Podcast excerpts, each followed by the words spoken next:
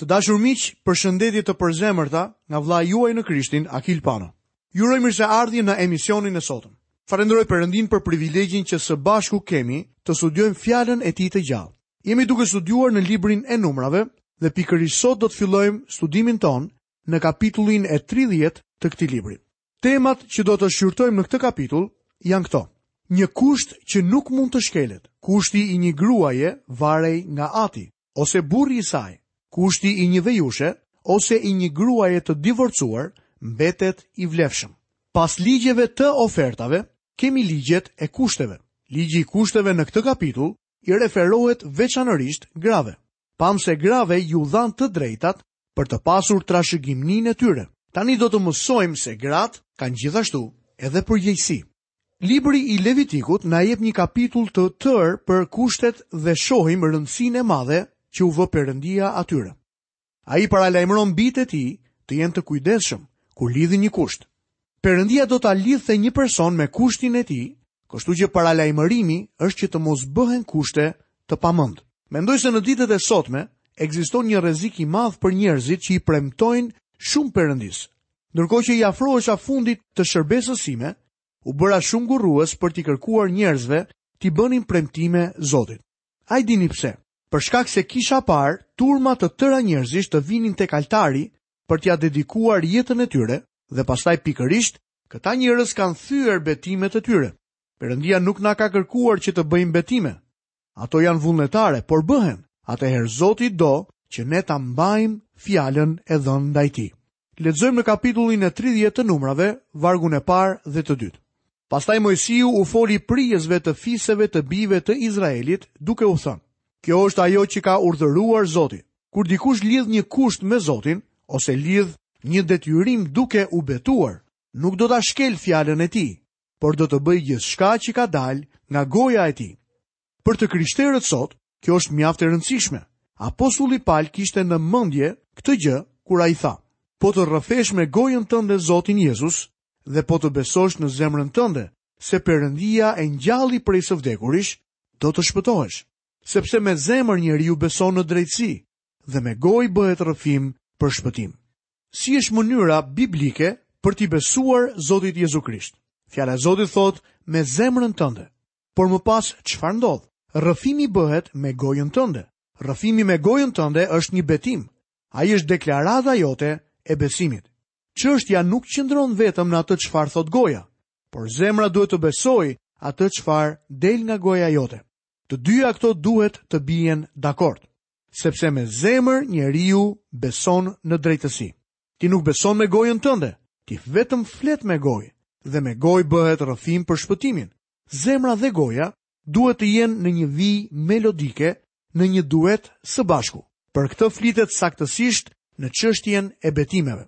Le të shohim më poshtë kushtin e një gruaje, i cili varej nga i ati ose nga burri i saj. Lexojmë në vargjet 3 dhe 4. Kur një femër lidh një kusht me Zotin dhe lidh një detyrim ndërsa është ende në shtëpinë e të atit, gjatë rinisë së saj, në qoftë se i ati duke mësuar kushtin e saj dhe detyrimin me të cilën është lidhur, nuk do të thotë asgjë lidhur me këtë. Tërë kushtet e saj do të jenë të vlefshme dhe do të mbeten të vlefshme tërë detyrimet me të cilat është lidhur. Me fjalë të tjera, nëse një grua lidhte një kusht në kohën kur ishte ende e pamartuar në shtëpinë e atit të saj, i ati do të ishte përgjegjës për të. Nëse i ati, kur merrte vesh për kushtin dhe nuk thoshte asgjë lidhur me të, kushti i saj do të ishte i vlefshëm. Gjithsesi, nëse i ati fliste dhe thoshte, prit një minutë, ajo ka blerë një fustan, por unë nuk kam ndër mend të paguaj për të. Atëherë, ai ishte i mbrojtur në çështjen. Ky kusht nuk e lidhte atë. Lexojmë vargun e pestë. Por në qoftë se i ati, ditën që e mëson, i kundërvihet asaj, të gjitha kushtet e saj dhe të gjitha detyrimet me të cilat është lidhur, nuk do të jenë të vlefshme, dhe Zoti do ta falë, sepse i ati iu kundërvu. Çfarë do të ndodhte nëse gruaja ishte e martuar? Për këtë lexojmë vargjet gjashtë deri në vargun e tetë. Por në qoftë se ajo martohet ndërsa është e lidhur me kushte ose ka një detyrim të lidhur në mënyrë të paarsyeshme me buzët e saj dhe në qoftë se bashkëshorti i saj i di dhe ditën që e merr vesh nuk thotë asgjë lidhur me të, kushtet e saj do të mbeten të vlefshme një lloj si detyrimet me të cilat ajo është lidhur. Por në qoftë se bashkëshorti i saj ditën që e mëson i kundërvihet, ai do ta anulojë kushtin që ajo ka lidhur dhe detyrimin që ka marrë në mënyrë të paarsyeshme me buzët e saj dhe Zoti do ta falë. Nëse gruaja e martuar dilte në pazar dhe bënte blerje të shtrenjta, i shoqi mund të thoshte që ai e ndalonte atë ose që nuk do të ishte përgjegjës për të paguar. Kushti nuk do të ishte i vlefshëm dhe ai nuk ishte i detyruar. Siç mund ta shihni, babai ose burri i gruas ishin përgjegjës për kushtin e saj, përderisa e kishin ndaluar. Këtë princip e shohim disa herë edhe në ditët e sotme. Ka disa gra që janë shumë kërkuese. Ato martohen me një burrë për para. Kjo mund të shihet kur një grua e re martohet me një burrë shumë të vjetër, pasi merr emrin e tij Ajo mund të shkojë në një gjykatë dhe të marrë gjithçka që ai zotëron. Këtë gjë e kam parë të ndodhë disa herë.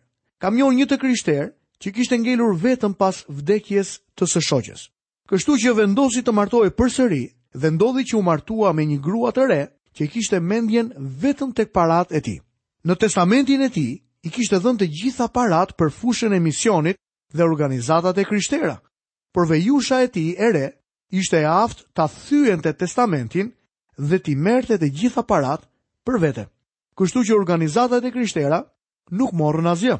Kam dëgjuar burra që ishin martuar me gra që u kishin marrë gjithçka që kishin. Kjo është marrëzia e njerëzimit. Perëndia thotë se njeriu nuk duhet ta pranojë këtë.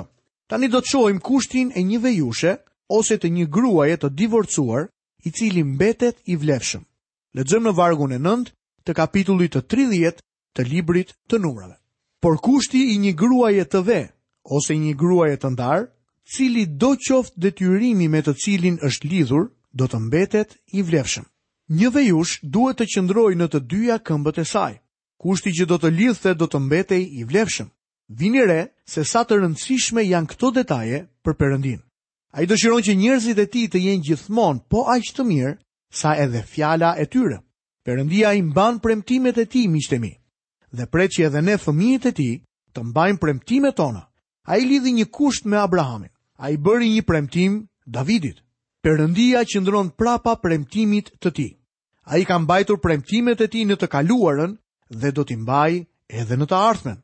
Fjala e Zotit thotë tek Gjoni kapitulli 3 dhe vargu i 16. Sepse Perëndia e deshi aq botën, sa dha birin e tij të vetëmlindurin, që kushdo që beson në të, të mos humbasë, por të ketë jetë të përjetshme. Kjo është fjala e Zotit, premtimi i Zotit për mua dhe për ty, dhe fjala e Zotit mbetet përjetë. Ai është betuar se do të të shpëtojë nëse beson tek Jezu Krishti, dhe ai betim do të mbetet. Një zonjë e këndshme skoceze Kishte një djalë jo besimtar që u kthye nga kolegji në shtëpi me disa ide të reja dhe i tha: "Shpirti yt nuk ka fare vlerë në këtë univers të kot." Ajo u mendua dhe iu përgjigj: "Jam dakord që shpirti im nuk ka shumë vlerë, por nëse shpirti im do të humbiste, Zoti do të humbiste më shumë se unë. Zoti do humbiste reputacionin e tij, sepse ai tha se do të më shpëtonte nëse i besoja atij." Miqtë e mi, Perëndia do ta mbajë fjalën e tij. Ai nuk ka pse bën një betim. Gjithçka që duhet të bëjë është vetëm të flasë dhe kjo është e vërtetë, është e mjaftueshme. Ai dëshiron që ata që prezantojnë këtu në tokë të jenë njerëz të tillë. Nëse zotohen për diçka që nuk mund ta mbajnë fjalën, është më mirë që të mos ketë zotime të tilla. Kjo lloj përgjegjësie duhet të jetë shembulli tipik i të krishterëve në botën e sotme. Të dashur miq, këtu kemi përfunduar studimin mbi kapitullin e 30 të librit të numrave dhe tani së bashku do të fillojmë menjëherë studimin në kapitullin e 31 të këtij libri. Mbani mend se po flasim për gjërat që i përkasin brezit të ri që kishte kaluar nëpër shkretëtirë. Shumë prej tyre kishin qenë fëmijë të vegjël kur filluan marshimin. Disa ndodheshin në klasat e ulëta, disa në ato të lartat dhe disa të tjerë nuk kishin lindur ende kur filloi marshimi. Perëndia po e përgatit këtë brez të ri për të hyrë në vendin e premtuar. Madianitët besoj se e mbani mend që u bashkuan me Moabitët kur morën Balamin për të mallkuar Izraelin dhe pas kësaj e çuan popullin në idhujtari dhe në shthurje. E vetmja grua që përmendet gjatë kësaj periudhe është Kozbi, një madianite. Pas këtij episodi, Zoti urdhëroi njerëzit e tij. Tek numrat 25 vargjet 17 dhe 18 shohim të shkruar: Bjeruni madianitëve dhe i sulmoni, sepse ju kanë rënë më qafë me dredhitë e tyre dhe ju kanë mashtruar në rastin e Peorit dhe në atë të Kozbit, bijë e një princi të Madianit. motër e tyre që u vra ditën e fatkeqësisë për çështjen e Peorit. Madiani në shkretëtirë është një pamje tipike e kësaj bote. Bijtë e Perëndisë duhet të kenë një ndarje shpirtërore nga bota sot. Le të shohim gjykimin e Madianit. Tani kemi mbërritur në veprimet e fundit zyrtare të Moisiut. Kur të arrijmë tek libri i ligjit të përtërirë, do të kemi veprimin e fundit privat të Moisiut. Një nga veprimet e tij zyrtare të fundit Është kjo lufta kundër madjanitëve. Lexojmë në kapitullin e 31 të librit të numrave, nga vargu i parë deri në vargun e tretë. Pastaj Zoti i foli akoma Mojsiut duke i thënë: Merrua hakun bijve të Izraelit kundër madjanitëve. Pas kësaj do të bashkohesh me popullin tënd. Atëherë Mojsiu i foli popullit duke thënë: Disa njerëz ndër ju të armatosen për luftë dhe të marshojnë kundër Madjanit për të kryer hakmarrjen e Zotit mbi Madjanin. Tani shohim që Perëndia e urdhëron Mojsiun të nisi një luftë kundër atyre. Ai do të marrë hakun e Izraelit. Ata do të veprojnë shumë ashpër me ta. Lexojmë në vargun e 6. Pastaj Mojsiu i nisi për luftë. Një mijë njerëz nga çdo fis së bashku me Finehasin, birin e priftit Eleazar, që kishte në dorë Veglat e shenjta dhe boritë e alarmit. Shohim që Moisiu dërgon 12.000 njerëz për të shkuar në luftë dhe 1.000 njerëz nga çdo fis. Instrumentat e shenjtë dhe sendet e tabernakulit do të shkonin bashkë me ta për të treguar se kjo ishte një luftë shpirtërore. Lexojmë nga vargjet 7 dhe 8. Dhe luftuan kundër Madianit, ashtu siç e kishte urdhëruar Zoti Mojsiun dhe vranë tërë meshkujt, Bashkë me viktimat ata vranë edhe mbretërit e Madianit, Evin, Rekemin, Tsurin, Hurin dhe Reban. Pesë mbretërit e Madianit vranë gjithashtu me shpatë Balamin, birin e Beorit. U vranë mbretërit e Madianit. U vra gjithashtu edhe profeti Balam. Perëndia u dha fitore mbi madianitët. Në këtë pjesë jepet gjykimi i paganëve përpara se të hyjnë në vendin e premtuar. E njëjta gjë do të përmbushet edhe në kohën përpara ardhjes së Krishtit, sepse në kohën e mijëvjeçarit, Izraeli që ka probleme të mëdha sot, do të vendoset në vend dhe ata do të kenë paqe. Por shikoni tani dhe na lind një problem. Vargu i nëntë. Bijtë e Izraelit zunë robinja dhe të gjitha gratë e Madianit dhe fëmijët e tyre rrëmbyen tërë bagëtinë e tyre, tërë kopetë e tyre dhe tërë pasuritë e tyre. Perëndia u dha një fitore të jashtëzakonshme, ata nuk humbën asnjë njeri në këtë betejë. Le të shohim më poshtë vargjet 14 deri 16. Por Mojsiu u zemërua me komandantët e ushtrisë, me krerët e mijësheve dhe të qindësheve, që po ktheheshin nga kjo fushatë lufte. Moisiu u tha, keni lënë gjallë të gjitha gratë, të nxitura nga Balami, ato i shtynë bijtë e Izraelit të mëkatojnë kundër Zotit në ngjarjen e Peorit, kur shpërtheu fatkeqësia në asamblenë e Zotit. Shohim që bijtë e Izraelit kishin një problem mjaft të madh. Zoti i nxorri për një natë nga vendi i Egjiptit, por iu deshën dyzet vjet për ta nxjerrë Egjiptin jashtë tyre. Madje edhe tani, pasi u mashtruan për të kryer idhujtari, nga këshilla që u dha Balami madianitëve, ata i sjellin gratë madianite sërish në kamp. Ky është problemi me natyrën materialiste. Gabimi nuk qëndron në qenien tonë në botë. Perëndia na ka vendosur vetë atje. Çështja qëndron nëse bota është në zemrat tona dhe jeton brenda nesh. Mësimi i rëndësishëm i këtij kapitulli është se na bën thirrje për ndarje shpirtërore nga bota. Ku je duke ecur ti? Apo beson në dritën e Zotit? Apo qëndron në fjalën e Zotit? A je duke ecur në fjalën e tij? A ke miqësi me Jezu Krishtin? Kjo duhet të jetë gjëja kryesore për fëmijët e Perëndisë. Këtu kemi përfunduar studimin në kapitullin e tridhjetë e njëtë dhe menjëherë do të nisim studimin tonë në kapitullin e tridhjetë e dytë të librit të Numrave. Tema që do të shohim në këtë kapitull është Rubeni dhe Gadi kërkojnë për vendin në anën e gabuar të Jordanit. Ky kapitull na flet për ndarjen e disa fiseve. Rubeni, Gadi dhe gjysma e fisit të Manasit kërkoi për tokën në anën e gabuar të lumit Jordan. Kjo ngjarje ka një zbatim të jashtëzakonshëm shpirtëror për ne, nëse do ta konsideronim lumin Jordan si një pamje tipike të vdekjes dhe ringjalljes së Zotit Jezu Krisht. Lexojmë nga vargjet 1 deri në vargun e 5 të kapitullit tridhjetë e dy të librit të Numrave.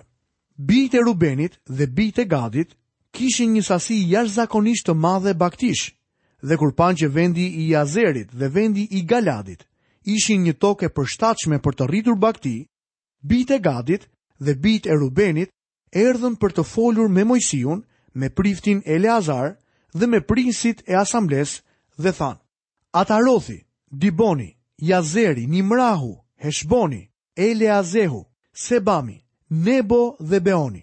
Vendi që Zoti ka goditur para asamblesë së Izraelit është një vend i përshtatshëm për të rritur bagëti dhe shërbëtorët e tu kanë bagëti.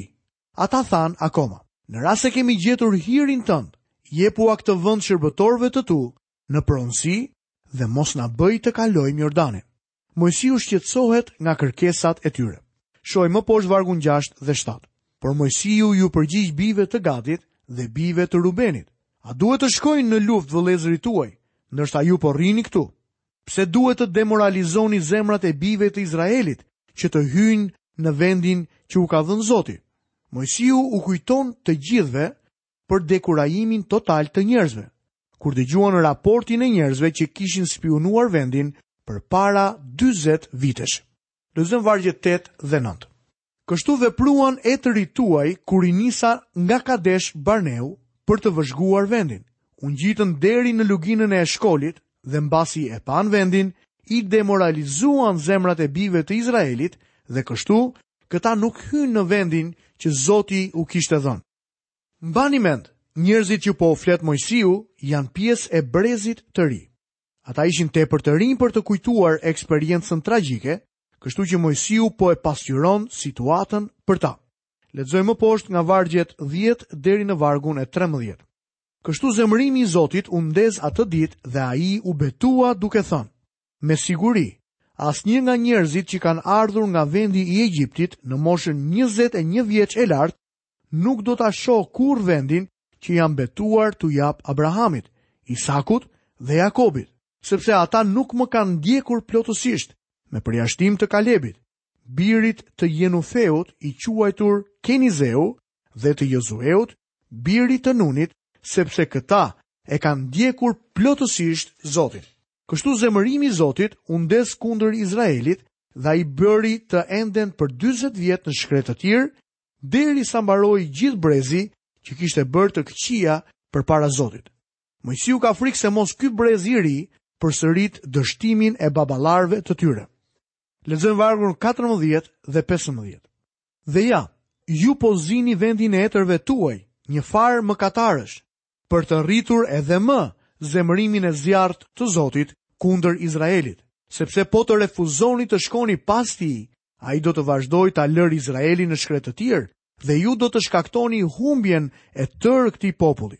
Mund ta kuptoni fare mirë frikën e Moisiut.